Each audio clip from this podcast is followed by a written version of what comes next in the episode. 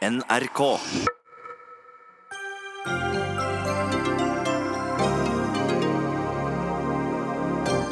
Telenettet i Øst-Finnmark lå nede i fem timer. Det samme gjorde nødnettet. Nå krever ordføreren i Gamvik at Telenor sørger for bedre sikkerhet. Per Sandberg tente på en utgave av VG i en bildeserie i avisa Natt og Dag. Så kom reaksjonene. Forkastelig og mørkt, sier forfatter, som drar assosiasjoner til Nazi-Tysklands brenning av bøker.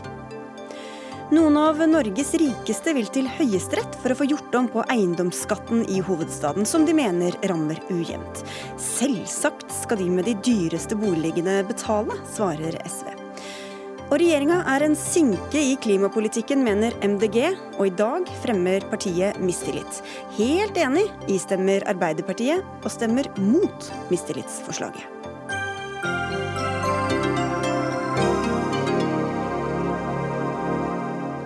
Dette er noen av overskriftene i Dagsnytt 18 denne mandagen. I studio Sigrid Solund. En fiskebåt holdt på å gå ned, men fikk ikke svar på nødmeldingene de sendte over radio. Mobilnett, fasttelefon, nødnett og bredbåndsdekninga lå også nede. Feil på telenettet førte til full isolasjon i Øst-Finnmark i fem timer fredag ettermiddag og kveld. Nå blir sammenbruddet gransket av Nasjonal kommunikasjonsmyndigheter. For reaksjonene er sterke, Trond Einar Olaussen, du er ordfører i Gamvik. Du sier at Telenor tar for stor risiko i fylket ditt. Hvordan da? Jeg mener det at det er for stor kalkulert risiko, fordi at uh, de bruddene som vi har hatt de siste ukene, eh, føyer seg jo helt fint i rekken av en rekke brudd vi har hatt de siste årene. Og det som vi ser, er jo det at den som trenger eh, en stabil mobildekning mest, den som trenger nødradioen mest, det er den som blir ramma. Og jeg tenker det at, at uh, Telenor leverer ikke på det samfunnsoppdraget de har fått fra myndighetene, nemlig å skal sikre at vi har en tilstrekkelig Eh, nett, mobildekning, også ute i distriktene. Hva slags erfaringer er det du sier dere har, siden dette føyer seg inn i en, en rekke? Ja, Det føyer seg inn i en rekke på den måten at vi har hatt mange brudd eh, eh, tidligere de siste to-tre årene. Og Da er det sånn at både mobiltelefon, det er at internett forsvinner, fiber forsvinner. og, og og samfunnet og enkeltpersoner blir avskåret fra å kontakte eh, hjelp, eller hva det måtte være. Og jeg trekker det så langt nå at nå handler det her om eh, sikkerhet for folk. Det handler om samfunnssikkerhet og beredskap, og Telenor er nødt nå å starte å levere på disse tingene. Bjørn Amundsen, du er dekningsdirektør i Telenor. Altså fem timer isolasjon i Øst-Finnmark. Hvordan kunne det skje? Det som skjedde her, var at vi på onsdag ettermiddag, altså et par dager før, klokken 20, så fikk vi en feil på en sjøkabel mellom Gjesvær og eh, Havøysund. Det å få tak i en kabelskip, det tar litt tid å få den opp. Den feilen er for så vidt der ennå. Så vi reservela og fikk eh, gjort ganske mye med den i løpet av et døgns tid. Og på fredag klokken 15.15 .15, så fikk vi det vi da trodde var et eh, fiberbrudd mellom Vadsø og Vardø, som viste seg å være noe annet. Og da mistet vi jo, før den fibersaken i Vadsø, så mistet vi det ene benet å stå på. Og så mistet de det andre benet ved den feilen som viste seg var en feil på en sentral i Vadsø. Så begge bena datt egentlig ned i løpet av de to dagene. Men Hva sier det om de beina når begge to kan dette ned samtidig? Altså, sånn som telenettet er bygd opp i Norge, eh, men jeg har stor forståelse bare for å ha sagt det for uh, følelsene som kommer fra ordføreren i Gamvik. Vi har selv møttes flere ganger og diskutert problemet. Men telenettet i Norge er bygd opp på én struktur. Og så har vi en redans, dvs. Si ett ben til å stå på. Men når det kommer hendelser som gjør at, begge, at det er to hendelser helt fra hverandre, som fører til at reservebenet ryker før vi har fått reparert det andre, da skjer dessverre dette som gjorde nå i Vadsø. Men hva slags, Du sier dere har én reserveløsning, men når, når, dette tydeligvis er så sårbart, hva sier det om hvor sikkert dette systemet er? Her, er det jo, her kunne det jo liv gått tapt, som vi hørte også. Ja, og dette handler om hvor mange milliarder skal vi bruke. Um, og nå tenker jeg ikke bare Finnmark. Vi behandler Finnmark minst like godt som det vi behandler andre steder i Norge. Eh, vi har et nett, og så har vi en redundans på en annen måte å få fra sambandet på. Så de i Finnmark kan trøste seg med at det er like farlig å bo andre steder i landet? Ja, det er ikke noe bedre. Det er ikke så mange dager siden vi hadde en fiberfeil i Bærum. Hva slags, hva slags unnskyldning er det? At det er like ille andre steder? Nei, men Det det handler om, det er jo egentlig Vi kan godt bygge oss ut og ha reserve på reserve på reserve. Men skal vi ha enda et ben til å stå på i hele Norge, og doble fremføring, som vi også har ute i hver basestasjon, og dobbel strøm, da snakker du milliarder og ikke millioner. Men jeg har lyst til å skyte ned en ting som jeg tror ordføreren i Gamvik kommer til å like å høre. Det er at etter den siste store hendelsen, som var i januar 2013, da hadde vi et, eh, et møte hvor vi gjennomgikk en del ting. Og etter det så har vi investert rundt 20 millioner kroner i å forbedre sjøkabelen mellom Berlevåg og Vardø. Den har i hvert fall holdt. Og hvis denne hendelsen her hadde skjedd på den måten den gjorde nå, om fire uker, så hadde vi klart å holde mobilnettet oppe. Fordi da har vi ikke det tredje benet, men da har vi en ekstra løsning, sånn at mobilnettet ville virket i Gamvik hvis hendelsen hadde skjedd om fire uker. Vi kan jo høre hvor beroliget du blir, Olaussen. Nei, og jeg tenker det at eh, Nkom har jo vært på banen og pålagt Telenor å gjøre de utbedringene som de har gjort nå, så det skulle bare mangle. Men jeg tenker det at vi har én motorvei eh, når det gjelder fiber, og vi har ingen reservemotorvei som de aller fleste andre kommunesentre, bl.a. i Finnmark, har. Og så har jeg gått rundt og trodd at mobil går gjennom lufta, men jeg skjønner jo det at store deler av mobildekk eh, mobilnettet også rutes gjennom de her fibrene. Sånn at vi blir dobbelt sårbare på en måte. fordi at vi er avhengig av fiber også for å få, og det er derfor at vi opplever de bruddene som vi gjør. Og det er ikke de store hendelser. Altså, vi hadde en liten gravemaskin som har vært på fjellet og gravd og var borti en kabel. Og, og, så har vi de sjøkablene som, som går. Og heldigvis har Telenor blitt pålagt å bytte ut den mellom Berlevåg og Gamvik. Men jeg tenker det at at uh, den sårbarheten som vi har, det er en kalkulert risiko. og Vi ser at det her går på uh, begynner å bevege seg nært mot liv og helse. Når båter i havsnød ikke får hjelp, når gamle damer kanskje ikke kan kontakte sin ordinære legevakttelefon, så, så, går det på samfunnssikkerheten. Og det er her vi må ta tak i. Og det, jeg tenker at regjeringa må på banen og sørge for at vi får bevilgninger, sånn at vi får bygd ut et tilstrekkelig godt fiber også i Finnmark. Nå nikker du her, men Vi vil jo gjerne hatt regjeringa på banen, men verken Justisdepartementet, Samferdselsdepartementet eller Høyre eller Frp på Stortinget ville eller kunne stille her i dag.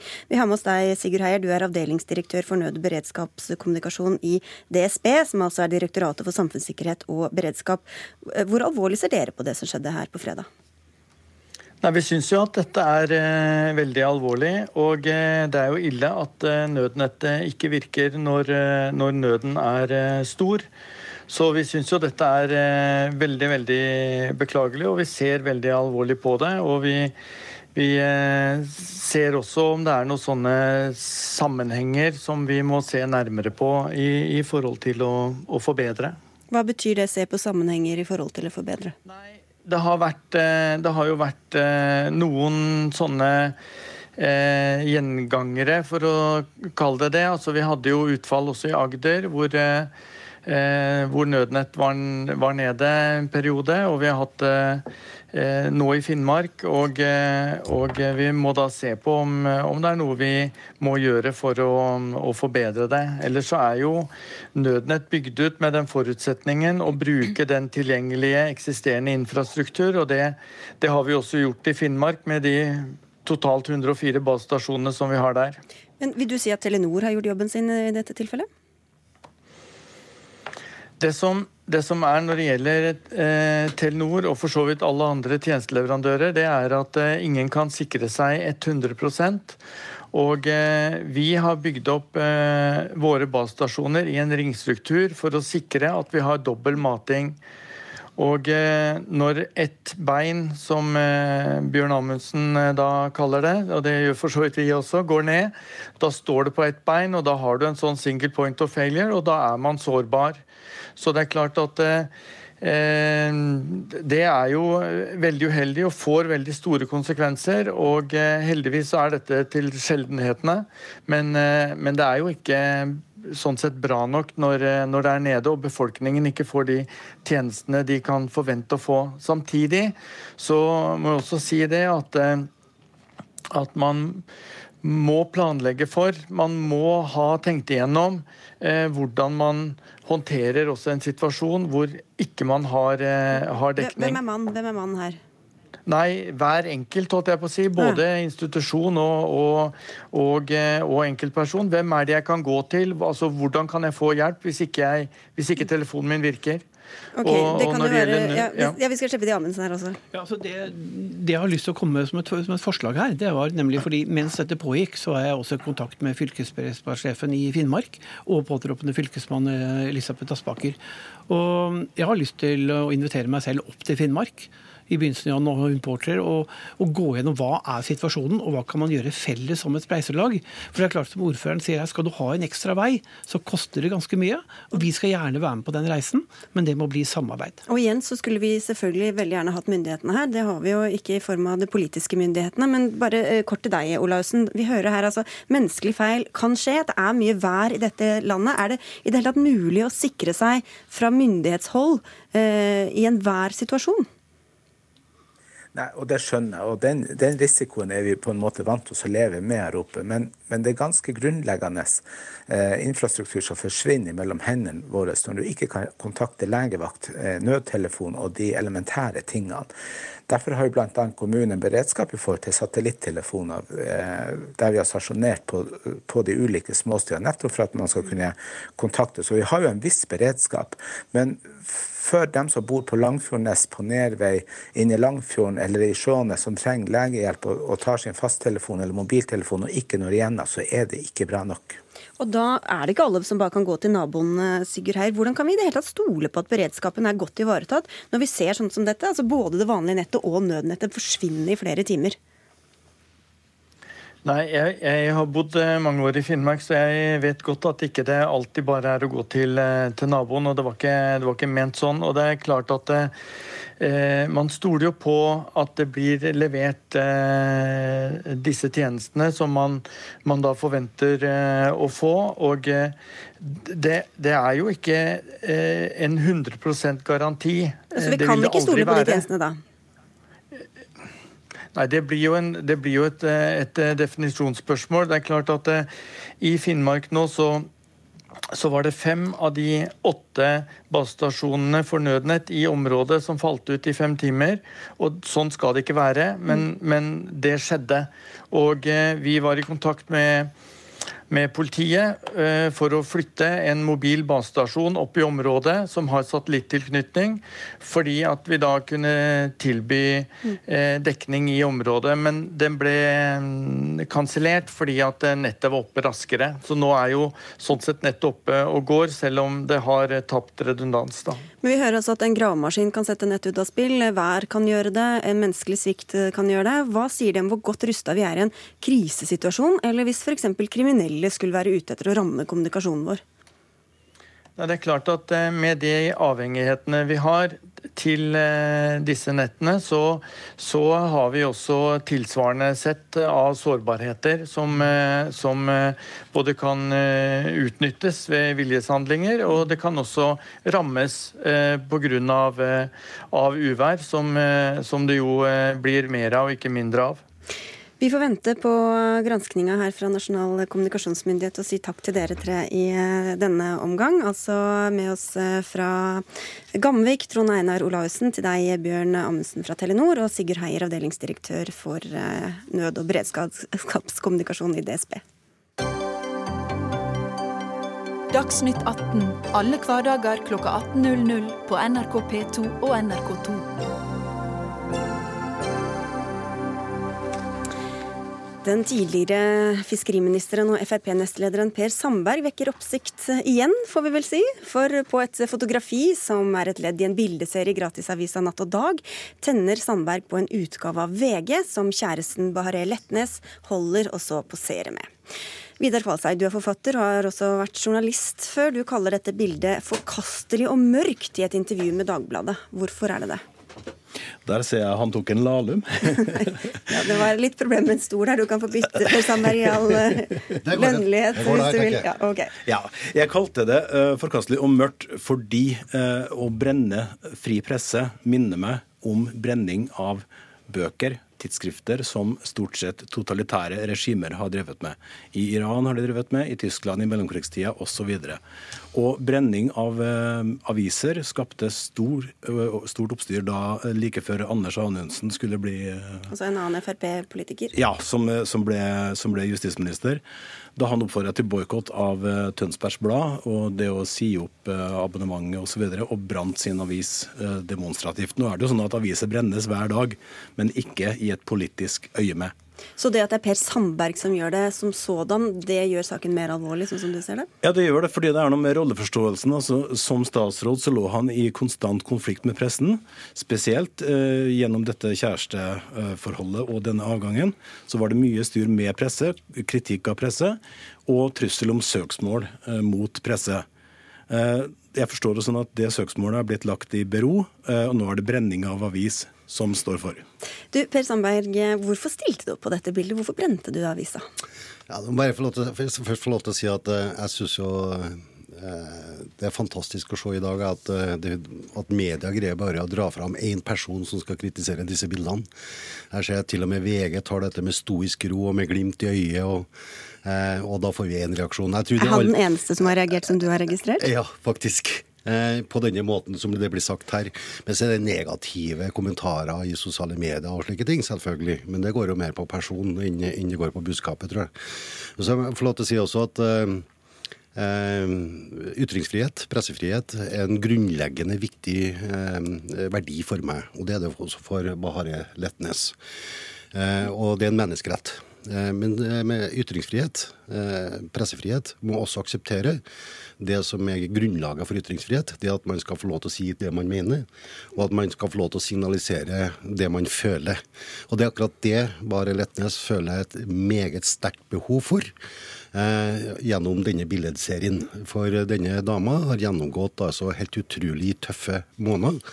Eh, og det er ikke noe kritikk eh, til VG eller til enkelte, men det er en generelt signal fra Bahareh Letnes at hun opplever at presse og media i Norge har skapt en situasjon for hun som er uholdbar. Og da, som, da, må, ja. da, må, hun få lov til det også. Men du tente jo på avisa, ja, eller armen, hånda di så, Ja, det var hånda med en lighter, ja. riktig. ja. Men, og, men, da sier du dette var et signal. Hva var det du ville signalisere gjennom denne avisbrenninga? Eh, ja, Nå var det jo ingen avis som brant, men, men det var et signal signal bak alle disse bildene. Eh, først og fremst i forhold til det som Bahareh Letnes har vært igjennom gjennom disse månedene. Så må jeg få lov til å si at eh, det er interessant å se hvor hårsår enkelte journalister er. da. Fordi at eh, Hvis man studerer pressemedia i dag, hvis man studerer NRK og TV 2, så registrerer jeg også at det er en form for trakassering mobbing hver eneste dag. Men pressen og media har en eh, heldig måte å dekke seg under. For når de gjør det, så kaller de det satire. De kaller det humor. Eh, og da er alt tillatt. Det som bare Letnes har gått gjennom i to måneder nå, gjennom norsk presse og media, det kalles satire. Mm. Så kan jeg også si, da, eh, på vegne av oss, at kanskje er det litt satire i dette også. Ja. Men da kommer altså klørne umiddelbart ut en satire, ja, en utblåsning. Nå, nå, skyver du henne litt foran deg, fordi dette handler om deg som nylig avgått statsråd i en regjering. En regjering som har uh, hatt to-tre andre uh, kjente saker med boikott av media og eller brenning av media. Uh, sånn at jeg forventer en helt annen rolleforståelse, også når du har gått av, fra deg enn fra henne. Og en, og en litt annen standard på ytringene. Ja, du, altså Det du ser nå når jeg har vært statsråd, er gått av som statsråd, så skal det legges lokk på meg, mine ytringer. Det er det du sier indirekte her. La meg spørre deg. Jo, litt, litt gjør du det nå. Nei. Men ville du gjort det hvis du satt, satt i regjering fortsatt? Vil kunne du stilt opp på det samme nei, Men denne situasjonen ville aldri ha oppstått hvis jeg fortsatte å sitte i regjering.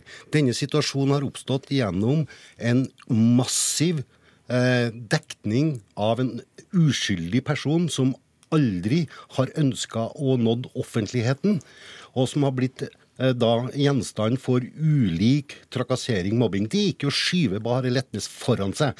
Dette står vi sammen om. Og jeg har sett og følt på hver eneste dag hva denne dama har gjennomgått. Og da må det også kunne tolkes i en sammenheng at ytringene kan bli litt mer spiss, uten at du går helt ragnarok og begynner å kalle det eh, og sammenligne det med nazisttida osv.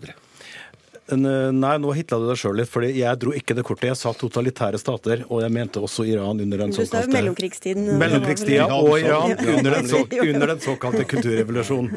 Det har du lov til å si, ikke sant? Indirekte. Okay, ja, indirekte. Fordi det, dette handler om at dere er ikke blitt knebla i det hele tatt. Dere har fått fremføre pressekritikk, både under egne pressekonferanser alle mulige, eh, og til og med bok, alle mulige sammenhenger så får dere fremføre kritikk mot pressen. Og det er legitimt. Ingen har stoppa dere. Men derfra til å brenne en avis offentlig og vise det fram, der er det et langt steg. For vi skal, men, vi skal bare Per sammen for å følge opp det han sier. Du glemmer en ting. Du glemmer en ting. Mennesker som ikke ønsker offentlighet, og som er helt uskyldige Jeg snakker om deg, ikke om henne. Vent nå. Men dette handler om to personer. Det handler om Bare Letnes, og det handler om Per Sandberg. Jeg snakker om din rolle, ikke hennes rolle. Men, men, hør hva du sier. Vi har ikke blitt knebla, sier du. Men Bahare Letnes, hva skal hun gjøre i en sånn situasjon? Hun blir knebla gjennom alle disse påstandene som blir fremma, eh, konspirasjonsteoriene som blir fremma. Det er en form for knebling.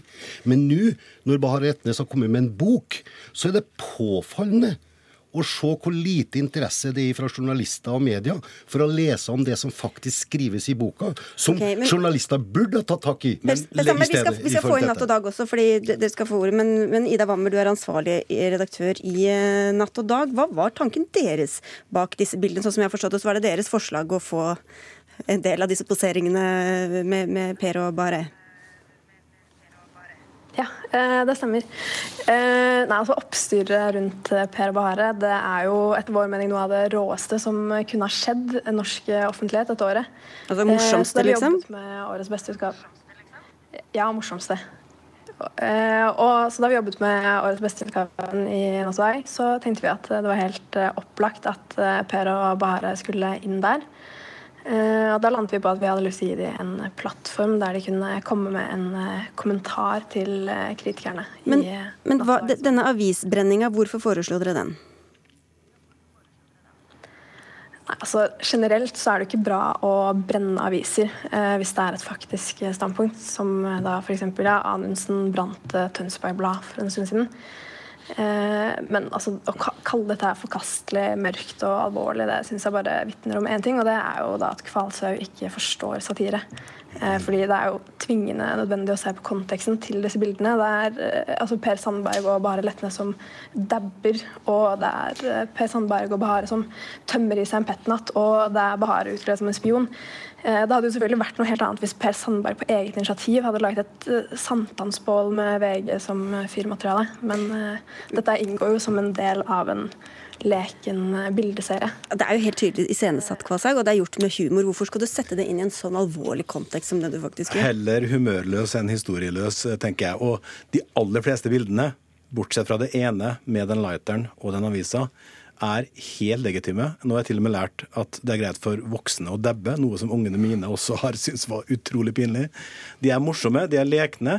Jeg ser hva de vil, men akkurat det bildet er veldig over. Der, da... Konteksten er der, men handlinga er veldig over pga. det som åpenbart har vært en ukultur, enten i, et, eh, enten i, en regjering eller i et parti, med å skulle eh, legge seg etter presse og hele tida skulle ja. gå etter dem. For å ta den konteksten, Sandberg, det er allerede blitt nevnt. ikke sant? Eh, Per-Willy Amundsen truet med boikott av Nordlys. Anders Anundsen brant Tønsberg Blad. Kan dette ses på helt uavhengig av den historien som ditt parti da, har med, med sånne utspill? Ja, absolutt.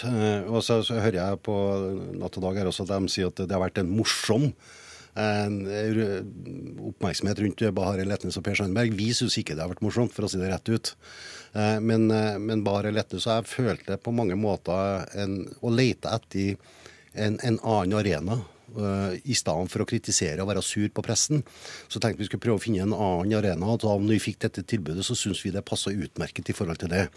For uh, dette med å være sur og uh, over lang tid. Det er nesten som å nesten som å drikke gifta sjøl og tro at du rammer familie, eh, din fiende. ikke sant? Så det må man slutte med. Men, men, jeg føler jo faktisk det som sies her, en knebling av ytringsfrihetene.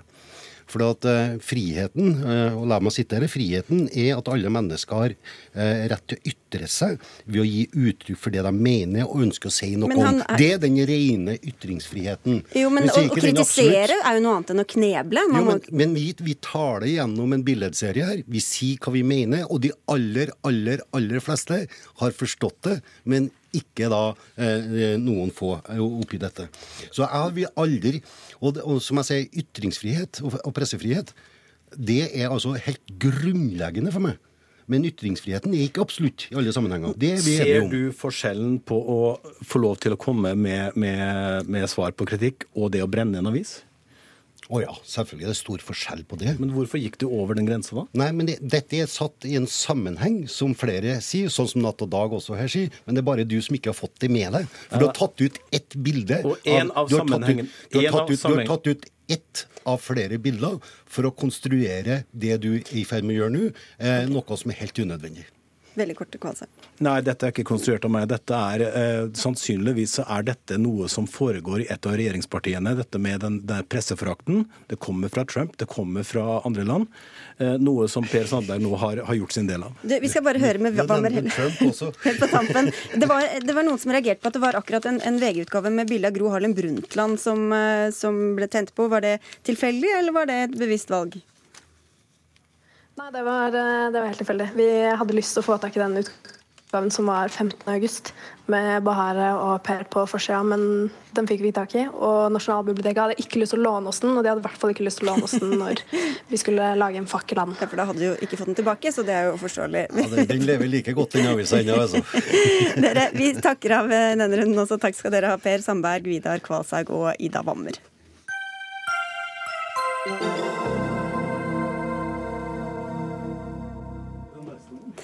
Nå må det være slutt på somlinga, fastslo Miljøpartiet De Grønnes representant på Stortinget i dag, og erklærte mistillit mot regjeringa i klimapolitikken. Det var i den pågående finansdebatten i nasjonalforsamlinga at partiet krevde Solberg-regjeringas avgang.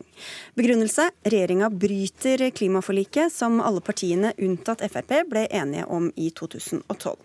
Arild Hermstad, nasjonal talsperson for MDG. Hvorfor mener du regjeringas klimapolitikk er så svak at det naturlige er å avsette den? Vi har mistet tålmodigheten. Regjeringen har sittet i fem år. Eh, og de har altså klart å kutte én million tonn på de eh, årene som har gått. Eh, og nå er det klokken er fem på tolv. De er nødt til å tredoble innsatsen i løpet av ett år. Og det ligger de ikke an til å gjøre. Og de svikter altså klima.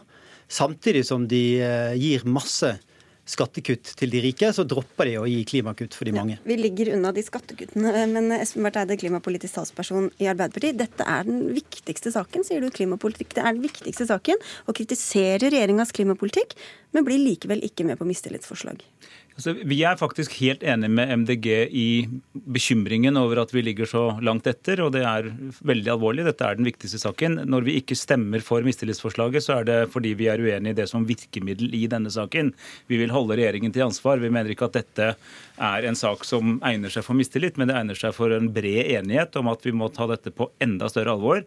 Og som vi har sagt i salen i dag flere ganger, at vi nå må, også, må nå også begynne å ha noen helt konkrete ikke bare utslippsmål, men også utslippsbudsjetter for å vise hvordan vi ligger an fra år til år. Og vi må bli flinkere for hvert år som går fremover nå. Verden har bare noen få eh, tiår igjen eh, før det er for sent. Eh, og Derfor må vi altså ha en helt annet tempo i dette fremover nå. Men når dere da ikke stemmer for mistillitsforslag, så er den eneste logiske konklusjonen at dere har tillit til regjeringa i klimapolitikken?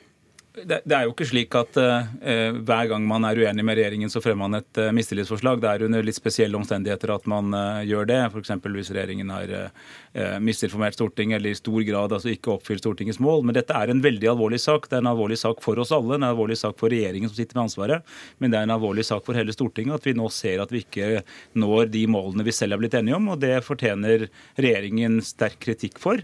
Men vi har ikke valgt å bruke mistillit i denne saken her, men jeg har lyst til å uttrykke veldig sterkt at jeg deler den bekymringen som eh, MDG er uttrykker Men hvorfor er det da et, et egnet virkemiddel Hermstad, å, å fremme mistillitsforslag? Altså, jeg mener det er vanskelig å finne en sak som er viktigere å stille mistillit på, hvor eh, det er vanskelig å finne en sak som det er viktigere at regjeringen tar ansvar for de målene som eh, de har blitt pålagt. Ja, For det er klimaforliket dere viser til at de, de oppfyller ikke klimaforliket? Som eh, handler om hvor vi skal være i 2020, det står svart på hvitt i statsbudsjettet at det kommer ikke vi til å, å nå. Og nå er tålmodigheten vår så oppbrukt at vi har sett i fire tiår at Norge har hatt fine mål på klima, men hver gang vi har nærmet oss eh, tidspunktet hvor vi skal nå målet, så begynner vi å eh, rette blikket lenger frem. Og så lar vi være å snakke om det, og vi lar være å gjøre det. Og vi, vi, kommer ingen vei med å gå rundt og være bekymret for klima. Vi trenger faktisk kraftfull handling. Og da må vi vise at det regjeringen leverer på klima, er for dårlig. Men klima er jo ikke én sak, og er, da kan dere egentlig fremme mistillit hver eneste uke, da? Nei, fordi at uh, Stortinget har en måte å styre regjeringen på når det gjelder klima, og det er i hovedsak gjennom statsbudsjettet. Det er i statsbudsjettet de skal vise frem hvilke tiltak de skal gjøre. F.eks. når de fortsetter å investere, legge opp til statlige investeringer i oljesektoren.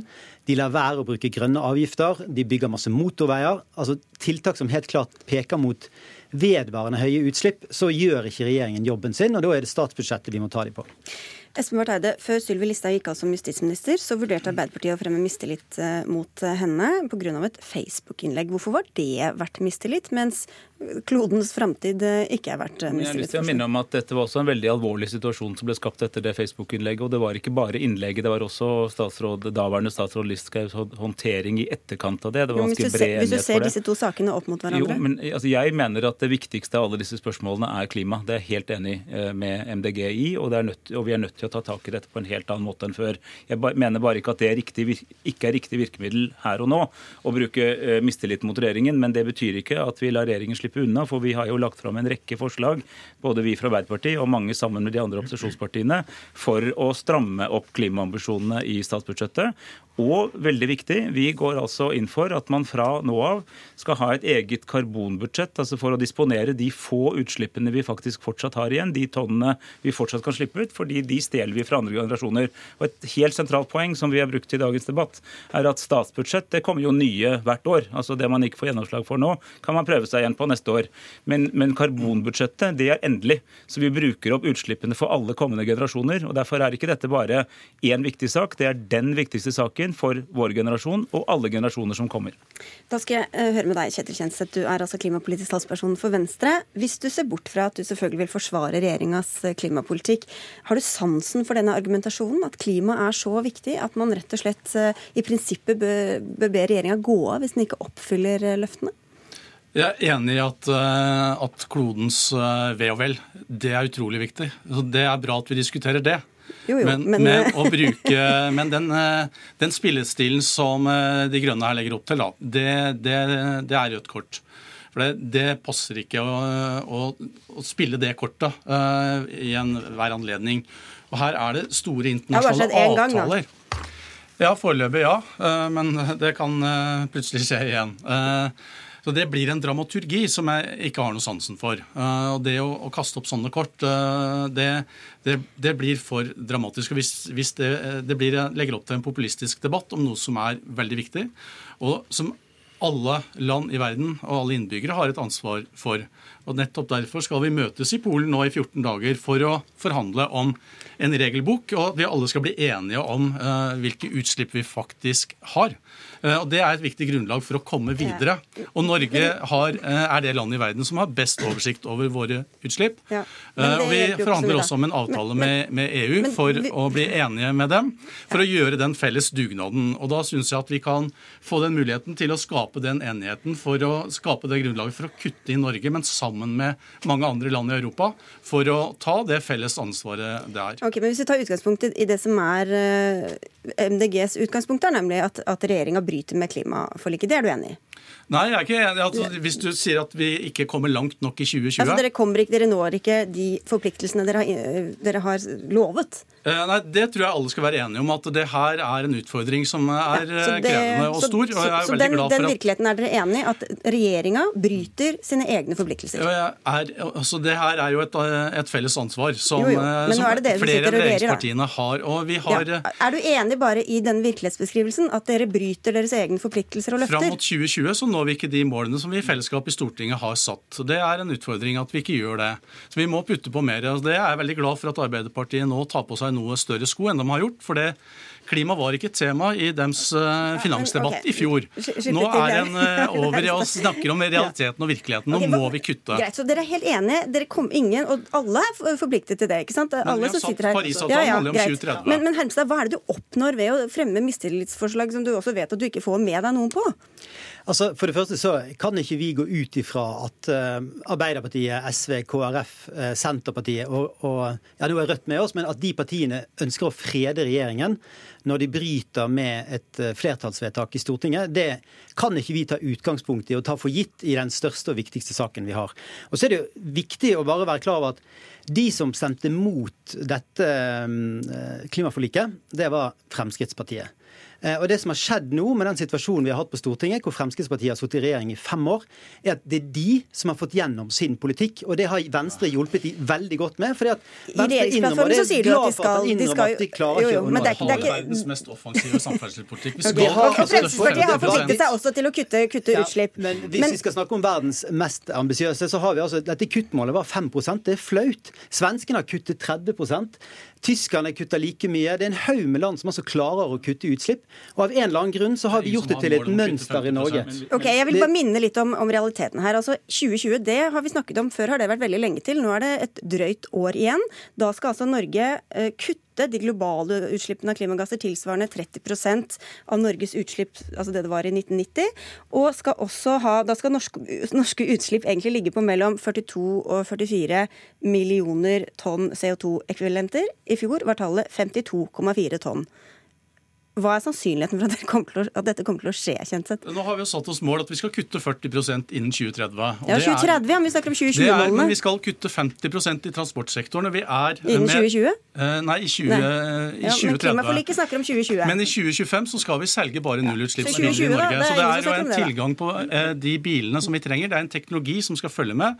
Og det er også hodene på folk eh, og lommeboka som skal følge med. Det her tar noen år å omstille. Vi er godt på vei til å greie det Og en del av grunnen til at vi ligger der vi ligger, er jo pga. den politikken dere førte i de rød-grønne da dere satt ved, ved dette klimaforliket ble til i vår regjeringsperiode i 2012. Vi gikk av i Jo, men utslippene de tar litt tid før Jo, de kommer absolutt ut i atmosfæren, så det er deres ansvar også. Jo, men jeg jo det. Jeg skulle til å si det. I 2012 Jeg bare liker å avbryte litt. 2013 gikk vi av, og siden det har det også vært Solberg-regjeringen. Det betyr at det aller meste av den tiden har ligget under Solberg-regjeringen. Enig at det er et felles ansvar, men det er jo særlig et ansvar for den til enhver tid sittende regjering.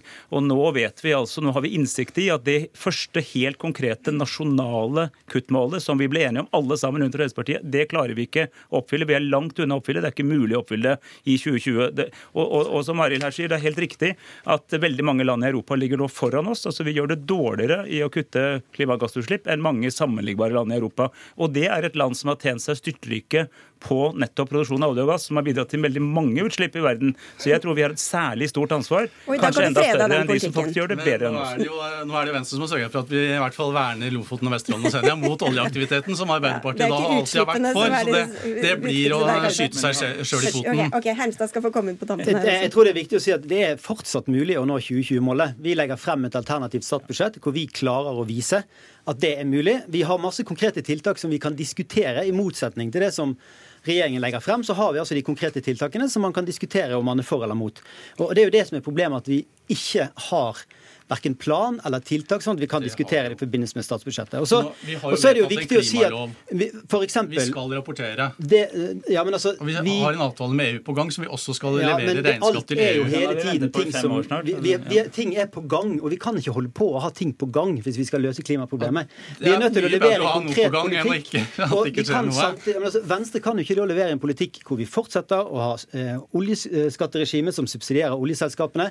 Vi kan ikke ha en det politikk hvor vi bygger levere den avtalen med. EU da, som Espen Barth Eide har venta på. Og det er Klimaloven det var jo Venstre som gikk i bresjen og fikk den vedtatt i Stortinget. Det var ikke MDG, det var heller ikke Arbeiderpartiet. det- nå- var det mange på en gang. Jeg tror vi, skal, vi må avslutte her. Espen Barth Eide, veldig kort til slutt. Ja, men I den klimaloven så står det jo også at man faktisk skal rapportere utslippsplaner, og det gjorde dere jo ikke i dette statsbudsjettet. Så, men det kan dere rette opp neste gang. Så kan du love at... de tallene du bruker i ditt klimabudsjett, det er jo levert i statsbudsjettet. fra, det, er, det er metoden til Miljødirektoratet, men, men de valgene vi tar, er jo ikke fra statsbudsjettet. Det, for de har jo ikke regjeringen uttalt seg om, men det har vi uttalt oss om. og Derfor sier vi at som MDG at det går an å oppfylle dette her, men da må man ta noen kraftige grep nå. Men det jeg vil gjerne utfordre Ja, Kjenseth på, det er at dette kan du rette opp hvis du sørger for at det fra neste år er et klart sektordefinert eh, utslippsbudsjett eh, i statsbudsjettet. Da har vi kommet langt, for da kan vi måle fra år til år hvor godt vi gjør det. Vi utfordra dere på å bli med på den klimastrategien, og dere ble ikke med på hele. Men vi skal men jo levere dere, vil dere gjøre det? Vil dere levere disse klimabudsjettene fremover? jeg syns det er viktigere å levere regnskaper eh, ifølge klimaloven og til EU. eh, For det vil jo faktisk få konsekvenser hvis vi ikke kutter som vi har lovd og inngått en forpliktelse om. Det er jo mm, start nummer én, at vi kommer i gang med det fra 2021. Og det, det ligger vi jo i bane for å gjøre. Å oppfylle de kriteriene vi skal, og de kuttene vi har tatt på Men oss. først kan man jo oppfylle det man har lovet å oppfylle i 2020, og så kan man ta 2021 etterpå. Ja, det får vi se på. Du, dere ble i hvert fall fredet i dag, Kjetil Kjenseth. Takk skal du ha. Og takk også til Espen Barth Eide fra Arbeiderpartiet og til Arild Heimstad fra MDG. Hør Dagsnytt 18 når du vil. Radio NRK Radio.nrk.no.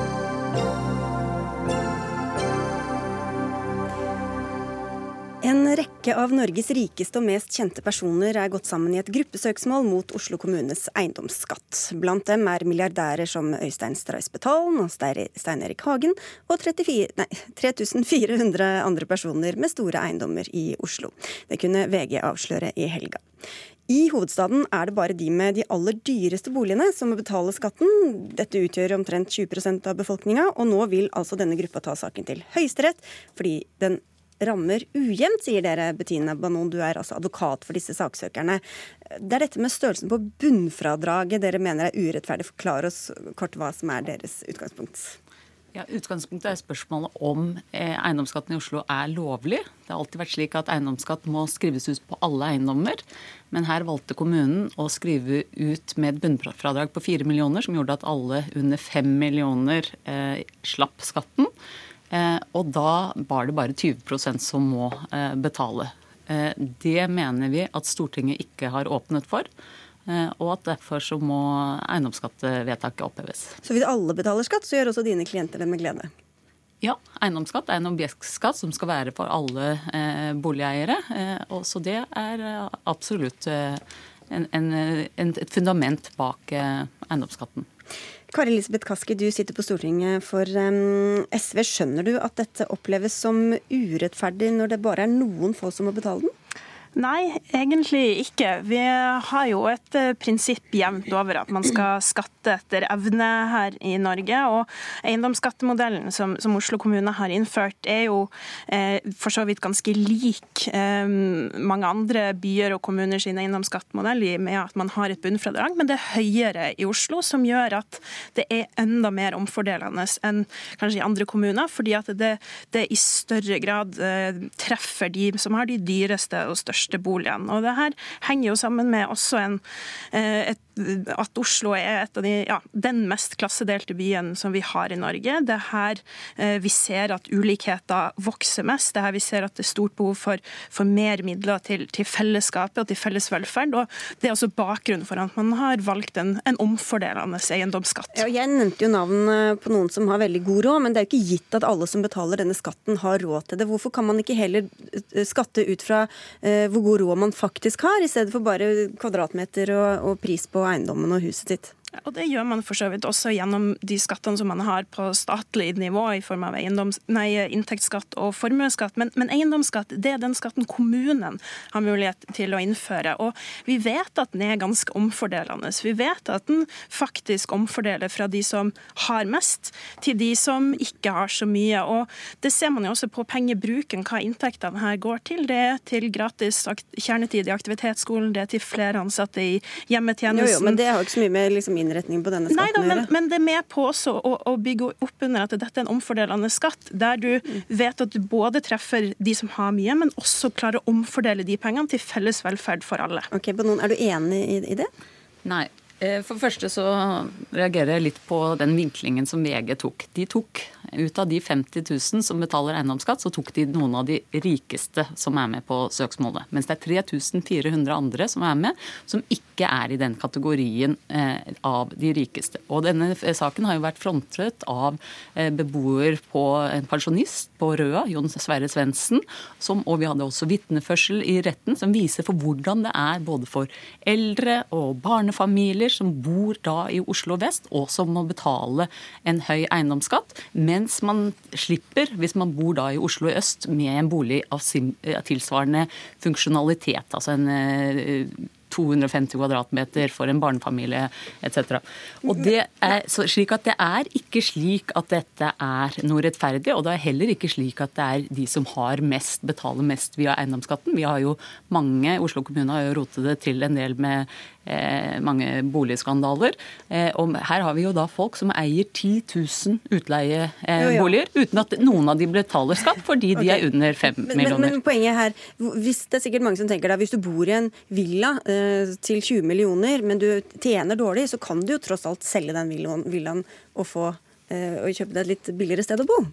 Ja, det, man kan alltid si at man kan flytte, flytte, men det har man jo ikke da ønsket. Man må, har jo ønsket at f.eks. pensjonister og barnefamilier som bor i en skolekrets, skal kunne fortsatt bo der. Og at man da ikke tar en eiendomsskatt som overhodet ikke ser hen til om de har høy inntekt eller om de har eh, gjeld, og bare beskatter dem og legger Man kunne jo fått inn så mye mer om man hadde lagt eh, bunnfradraget lavere, men hadde hatt det man kaller en reduksjonsfaktor, som gjør at alle betaler f.eks. 50% av takstverdiene. Ok, Kaski. Ja, da, med det forslaget og i hvert fall måten som bl.a. Streisbetalen har uttalt seg på, så vil man jo gjøre at flere også med lavere inntekt vil måtte betale eiendomsskatt. Men dette er jo et spørsmål om politikk, og det er også det som tingretten og, og lagmannsretten har slått fast så langt. Dette er et politisk spørsmål. og Blant de som står i det saksmålet nå, så er det jo flere høyrepolitikere, og de kan jo foreslå for regjeringa å endre loven hvis det er det man ønsker seg. Eh, Sånn som SV har foreslått nå på Stortinget, og at det skal være obligatorisk med et bunnfradrag i eiendomsskatten. Det mener vi at ville kunne gjort at eiendomsskatten blir enda mer omfordelende. Men det er også viktig å huske at med eh, det, både det boligmarkedet som vi har i Oslo, med den ekstremt delte byen som vi har, og den store klasseforskjellene som vi har, så er det altså sånn at eiendomsskatten er omfordelende i dag. Og det finnes muligheter for at man kan få ettergivelse, nedsettelse av eiendomsskatten. Det er en mulighet som er svært lite brukt. Det er få som har søkt om, og det tenker jeg sier litt om omfanget av de menneskene som har lav inntekt og ikke mulighet til å betale eiendomsskatt, til tross for at de bor i en, i en svært dyr og verdifull bolig.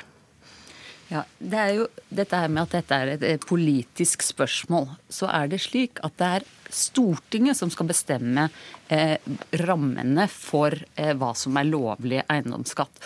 Og Stortinget de har ikke diskutert en ordning hvor 80 blir fritatt. Er, er det det at det er så mange som blir fritatt? Er det det som er det, det essensielle her, da? Ja, det er så at den blir Så hvis det hadde vært 50% så hadde det vært greit, eller hvor er det den grensa går? Den grensen blir jo opp til eh, domstolen å fastsette, mens finansminister Kristin Halvorsen ga jo uttrykk for at man ikke kunne frita det store flertallet. Så det vil jo si da noe over 50 Eh, Her har man jo fritatt 80 eh, eh, så da mener vi jo at klart at eh, grensen helt klart er overskredet. Så det, den nærmere grensen er nettopp det domstolen skal prøve. For Vi har jo trinnskatt og vi har toppskatt og vi har bunnfradrag og sånt på alle mulige andre skatter. Hvorfor er det så annerledes med denne eiendomsskatten? Jo, det ville ikke vært noe problem hvis det var Stortinget som sa vi kjører eiendomsskatt kun for de aller rikeste eller de aller mest verdifulle boligene. Men Stortinget har ikke sagt det. Stortingets lov sier at du må ha det på alle boliger, alle eiendommer, eller særskilte fritaksgrunner. Det er f.eks. sagt at du kan frita nye boliger i 20 år. Så innførte man dette med bunnfradrag, et fradrag i bunn, ikke en fritaksbestemmelse. Man tok det ikke i bestemmelsen der hvor man kunne frita boliger. Og det var ingenting i debatten i Stortinget som forutså at man skulle bruke denne på denne nye måten til eh, Oslo kommune, hvor man bevisst satt og så på hvis vi setter eh, bunnfradraget på fire millioner, så slipper man eh, så og så mange prosent eh, unna skatten. Så det er nettopp det. Det ville vært helt fint for Stortinget å vedta, men ikke for Oslo kommune. Ok, Du skal slippe til på slutten her, Kaski. Nei, det, som sagt er det jo et politisk spørsmål, og det er fullt mulig å forfølge dette politisk. Men, men det er altså ikke sånn at Oslo kommune har fritatt 80 Oslo kommune har satt et bunnfradrag. Et bunnfradrag på 4,6 millioner. Ja, det er nettopp det som blir kritisert her, da. Ja, men det endrer seg også. Det, med det bunnfradraget så er det ikke gitt da at det er en fast eh, mengde som til enhver tid er fritatt. Eiendomsskatten ligger der, eh, og det vil jo endre seg ut ifra også hvordan verdiene i boligmarkedet endrer seg. Men i sum så er dette et, noe akkurat den modellen som de rød-grønne gikk til valg på i 2015 for å finansiere bedre velferd i Oslo kommune. De vant det valget, eh, og da får det være en politisk kamp veien videre om hvordan det her skal utvikle seg framover. Okay. Dere har tapt i to runder på noe. Når er det du vet om dere kommer opp for, for Høyesterett eller ikke? For så vidt så var det jo eiendomsskatten 2016 som eh, var tema, og der vant vi jo i lagmannsretten at, hele, at den ble opphevet. En del av den? Ja. Ja, ja, altså at det var, var skrevet, nei, men den var skrevet ut feil, så det er ja, Men, så, så, men, men på, det, på dette prinsippet trappet vi på. Mm. Den har vi anket, og hvis den slipper inn, som vi tror, i og med at begge parter har anket, så kom, får vi en rettskraftig avgjørelse fra Høyesterett før sommeren. Det blir spennende. Takk skal dere ha begge to, Bettina Bonon, som også er advokat for disse saksøkerne, og Kari Elisabeth Kaski, som sitter på Stortinget for SV.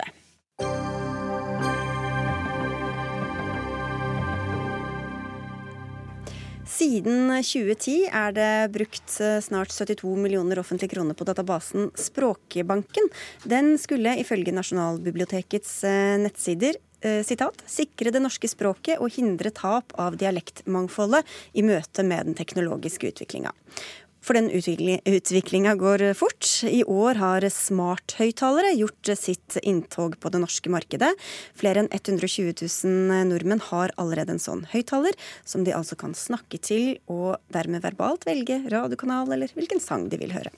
Men ingen av disse produsentene bak eh, smarthøyttalerne bruker Språkbanken, og i en ny rapport får banken kritikk for å ikke ha fungert som planlagt.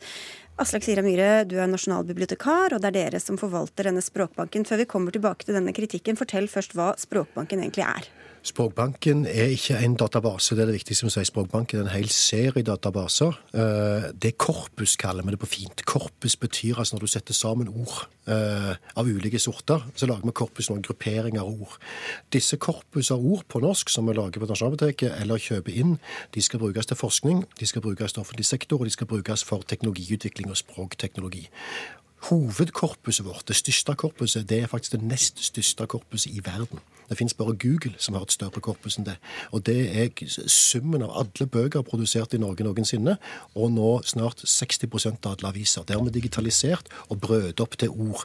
Det vil si at forskere, men òg type Stornorsk leksikon, Wikipedia, ordlister, Skipsted, alle andre som bruker skriftspråk, de kommer til oss, og så får de ord hvis de vil finne ut hva som skjer med ord, med stavemåter, utvikling av ord. Her forsvant jeg ned òg. Andre ting, så får de det i Språkbanken. Eh, så det er hovedsida av det. Det finnes òg 130 andre ressurser. En del av de finnes på universitetssektoren, en del av de er våre, taleressurser og andre. Ok, Men så til dette eh, kommersielle markedet. Altså Google eh, Norge sier til NRK at de har kjennskap til Språkbanken. De har utviklet sin egen norskspråklige taler. Du må bare bli sittende så lavt. Det er sånn hersketeknikk vi bruker her. Hvorfor tror du at ingen av de store teknologibedriftene bruker dere?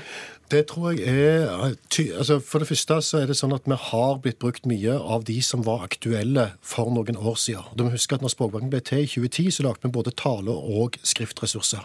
Den gangen var det ingen etterspørsel etter taleressursene, nesten. Det var bare skriftressurser ble etterspurt. Skipsted, Telenor og andre som brukte skriftressurser, brukte oss da. Så har det skjedd noe de siste to-tre årene. Det har vært en eksplosjon eh, av taleressurser og behovet for det.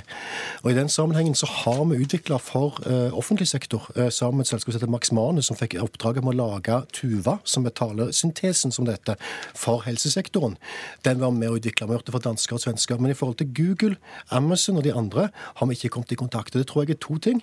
Det ene det er at de er kjent for ganske lukka utvikling. Vi har jobbet med Google tidligere, og vi vil jobbe med Google, men det er veldig vanskelig å få dem til å svare på mail i utgangspunktet. Det andre er at vi har ikke levert de ressursene de har trengt. Eh, vi har jobbet med én måte med forskere. Den måten har ikke vært god å jobbe med utviklere. Og så er det sånn at Alle som utvikler ting kommersielt, de er avhengig av hemmelighold. Altså, De vil ikke fortelle f.eks. For Shazad her, hva de har spurt etter hvis de skal konkurrere med Microsoft om det. Og Det betyr at vi må trene oss på å jobbe med disse miljøene. Ja. Shazad Drana, halvveis introdusert allerede. Du er altså teknologidirektør i Microsoft og har vært med på å utarbeide denne rapporten, hvor dere skriver snart ni år etter at Språkbanken ble opprettet, mener vi en kan slå fast at banken ikke tjener det formålet den var tiltenkt. Hvor er det det svikter? Eh, før jeg kommer til det, så må jeg bare fortelle. altså Denne rapporten her, den er nødt til å leses med framtidens briller på. Med det så legger jeg i at det, det skjer utrolig mye på teknologisida, som Aslak var litt inne på. Språkbanken ble etablert i 2010. Det har skjedd mer de tre siste årene. Og det som kommer til å skje de fem neste årene, kommer til å være enormt. Og tilnærmingen som, som, som, som vi har i forhold til rapporten, det er hvilke endringer, justeringer, må vi gjøre for at vi skal klare å henge med og ta med det språklige mangfoldet fra, i framtida i forhold til teknologisida? Hvis, hvis, du bare følger opp det sitatet jeg hadde, hva er det dere legger i det? Jo, men, eh, men, men det som ligger òg i sitatet, da, det er at det, det, er mange ting i offentlig sektor med måten vi jobber på for å få et samspill til funke med næringslivet, med norsk språkteknologi, altså industrien.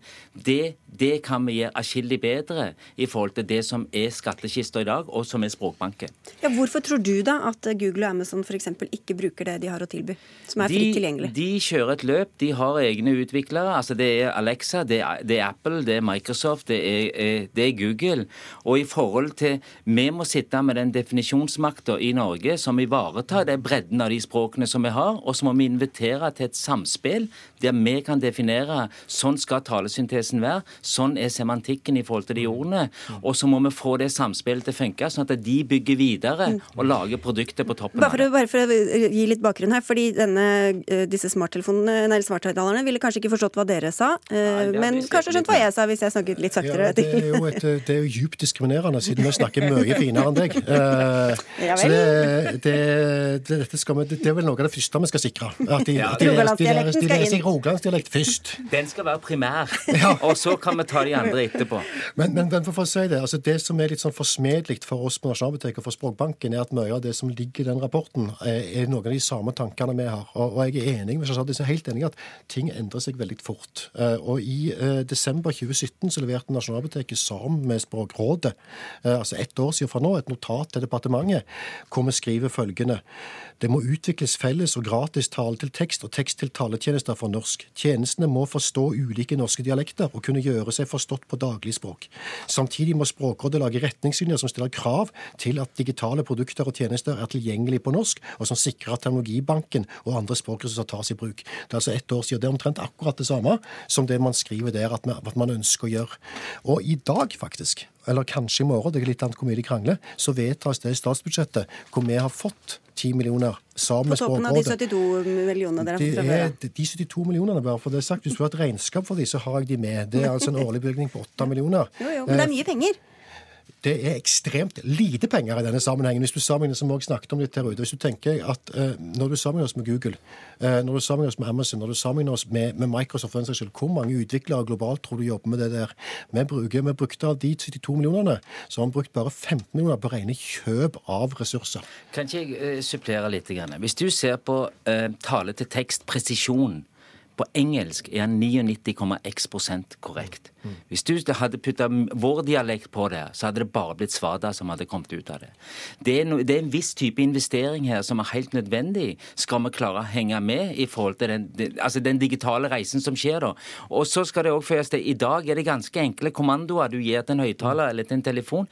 Tenk deg når det begynner å bli en toveiskommunikasjon, der du òg klarer å analysere eh, følelser, emisjoner, i, i, i, i i tale eh, på si, eh, altså i talen din, da. Men hva er, det gått, hva er det som går tapt da, ved at disse kommersielle aktørene ikke bruker den eh, store mengden data som dere sitter på? Her, for, at, for, det første så er det sånn, og dette er jeg helt, også helt enig med Shadi, altså vi setter i gang nå fordi at det har vært lettere å jobbe med forskningsmiljøene enn det å jobbe med utviklermiljøene. Av veldig mange grunner. Uh, jeg nevnte noen av de nettopp. Vi må komme på offensiven sammen med de. Vi må se at vi ikke skal gjøre det samme som Google. Det dummeste staten gjør, det er å prøve å lage leksier eller Siri eller noe annet. Ved siden av de som gjør det. Vi må se hva de trenger. Men det aller viktigste å ta opp er at norsk er i utgangspunktet et lite språk. Det er fire-fem millioner brukere av norsk. Det er et lite marked i forhold til de aller fleste språk i verden. Hvis du skulle velge skal utvikle noe for mandarin eller for norsk, så velger du mandarin 100 og 100 ganger hvis du vil tjene penger. Eh, I Norge så har vi et helt vell av fantastiske dialekter eh, som er, vi tar vare på. Det er rart at ikke de har gått til dere da, to- for å få den vi har to skriftspråk, nynorsk og bokmål, eh, som vi bruker, og som vi skal holde, holde i ved like og, og utvikle. Det er noe som ingen sånn som det ser ut nå, er villige til å betale for andre enn staten. og Derfor vi må ha den satsinga som vi gjør. Og så tror jeg vi må ha fellesskapssatsinger. Det vil si at alle må være med og bidra til å ta det kollektive løftet. Dere, det var det vi rakk. Takk skal dere ha begge to. Eh, Aslak Sira Myhre, altså nasjonalbibliotekar, og Shazad Rana, som er teknologidirektør i Microsoft eh, Norge. Dagsnytt 18 er over for denne gang. Det var Jarand Ree Mikkelsen som hadde ansvaret for innholdet. Marianne Myrhol hadde det tekniske ansvaret, og jeg heter Sigrid Solund og ønsker en fin kveld videre.